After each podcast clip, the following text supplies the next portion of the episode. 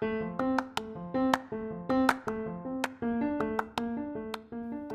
sann, og velkommen til en kjapp episode av Spareglede podkast. Jeg er på ferie idet episoden her blir sluppet, så episoden er forhåndsinnspilt. Så beklager hvis det har skjedd noe helt utrolig i verden som jeg liksom er helt idiot som ikke nevner noe. Det har altså ikke skjedd ennå. Eh, jeg skal snakke litt om høyrentekonto, så heng på enten du bruker høyrentekonto eller ikke. Jeg har snakka om høyrentekonto flere ganger på Instagram, men jeg husker ikke om jeg har nevnt det spesifikt, spesifikt i podkasten. Beklager det i så fall, men jeg tenker at et godt poeng tåler å bli hørt flere ganger. For som jeg har sagt flere ganger, så har jeg sparepengene mine litt her og der. Det jeg skal ha til pensjon eller eh, boligsparing til ungene, det sparer jeg i fond. Men de pengene som jeg skal bruke til uforutsette utgifter, neste års ferie, ny bil om en stund, til konfirmasjon til ungene mine om tre og seks år, de pengene sparer jeg på høyrentekonto, altså på en sparekonto. Eller flere sparekontoer. Men sparekonto er ikke nødvendigvis sparekonto. For i dagligbanken din, der har du noe som heter sparekonto, men der er det ofte under 1 rente. Om du bare lar pengene stå på brukskontoen din og liksom vokse der, da har du 0,1 rente, som oftest. Og med tanke på at den årlige inflasjonen er på ca. 2 det er iallfall målet, altså at prisveksten skal være ca. Eh, altså at prisene skal bli ca. 2% dyrere hvert år, da sier det seg jo sjøl at 0,1% eller 1% rente ikke er bra nok. Jeg har derfor sånne sparekontoer i andre typer banker, såkalte forbrukslånsbanker. Det finnes masse av dem, men jeg har konto i tre stykker. Eh, Nordax, Avida Finans og Svea. Jeg er ikke sponsa av noen av dem.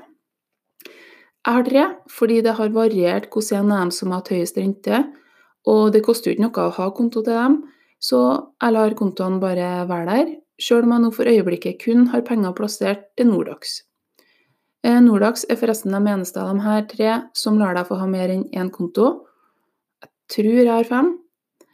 Eh, jeg venter fortsatt på at Nordax skal la oss få gi egne navn på hver konto, da. så jeg slipper å huske, liksom huske på sjøl hva hver konto egentlig er øremerka. Så Nordax, hvis du hører på, det må det gå an å ordne, altså.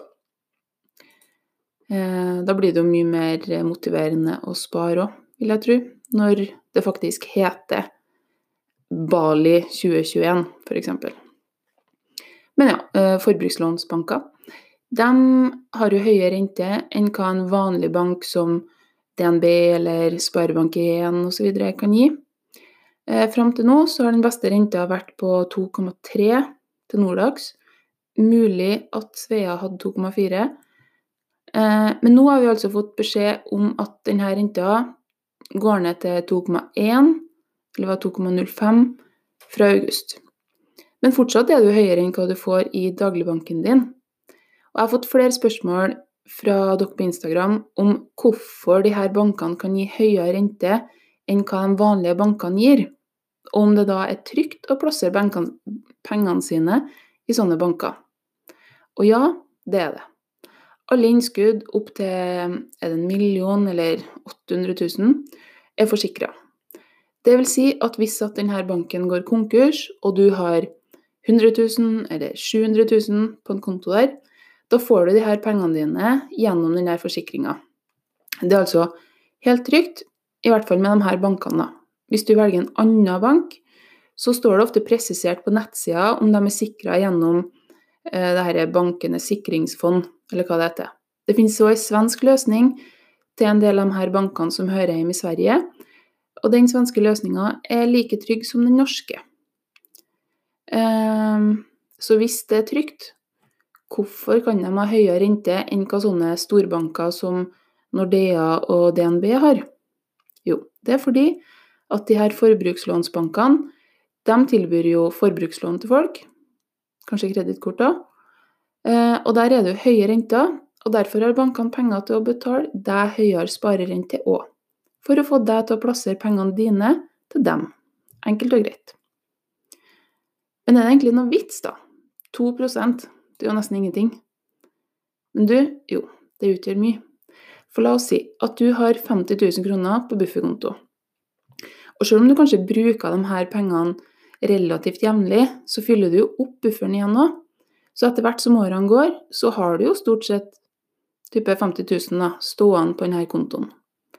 Og så, etter 30 år, hvor du har latt denne buffersummen stå på en konto med 0,1 rente, da har du tjent ca. 1500 kroner i renta på 30 år. Hvis du derimot har hatt bufferkontoen stående på en høyrentekonto med 2,3% rente, og det har vært renta gjennom alle 30 årene For det, det var jo renta fram til nå, da, men de er jo flytende. Eh, ja, hvis du hadde 50 000, 2,3% rente i 30 år, da har du tjent ca. 49 000 kroner i renta.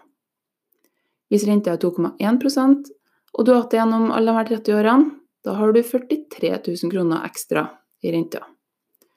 Nå er jo 30 år himla lang tid, da. Men bufferkonto skal du jo ha gjennom hele denne tida, og det har jo ikke noe å si for deg hvor den står. Så hvorfor ikke sette pengene der du faktisk tjener rentepenger? Et annet poeng er jo dessuten at hvis du har pengene stående i en annen bank enn i dagligbanken din, da er ikke de like synlige for deg som om de hadde stått der i nettbanken og frista deg hver dag. Så det anbefales å ha det ute av syne, ute av sinn, men at de er lett tilgjengelige når du faktisk trenger dem. Og det er de i disse bankene. Så to the point. Gidd å flytte sparepengene dine til en annen konto enn dagligbanken din. Det du ikke vil spare i fond, bør du altså plassere i nest beste løsning, eller med nest høyest avkastning, nemlig høyrentekonto. Vi vet jo ikke hvordan renta utvikler seg. Eh, nå som boliglånsrenta er så lav, så kan jo sparerentene synke enda mer òg, og de har jo sunket litt nå. Men inntil videre er det altså der du får, maks 2,1 Samtidig så må jeg bare understreke at det er en del som er negativ til disse bankene. Eh, fordi de tjener jo penger på å sette folk i dyr gjeld. Du må derfor vurdere om du syns at det er ok å støtte en sånn bransje. Sjøl bruker jeg både kredittkort og sånne sparekontoer. Jeg landa på at jeg syns at det er ok. Altså, det er ikke en god praksis, men det er jo lov til Altså, det er lov til å være så egoistisk at du tenker at det gagner meg. Jeg eh, tjener penger på det her. Det skader ingen at jeg gjør det. Og da velger jeg å bruke dem. Det er innafor å tenke sånn, synes jeg. Hva du vil gjøre, er opp til deg, men nå har du i hvert fall litt mer kjøtt på avgjørelsesbeina.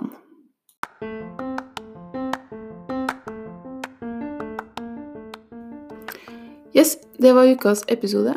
Litt kort format denne gangen, men livet skjer, og da må man gjøre det man får til.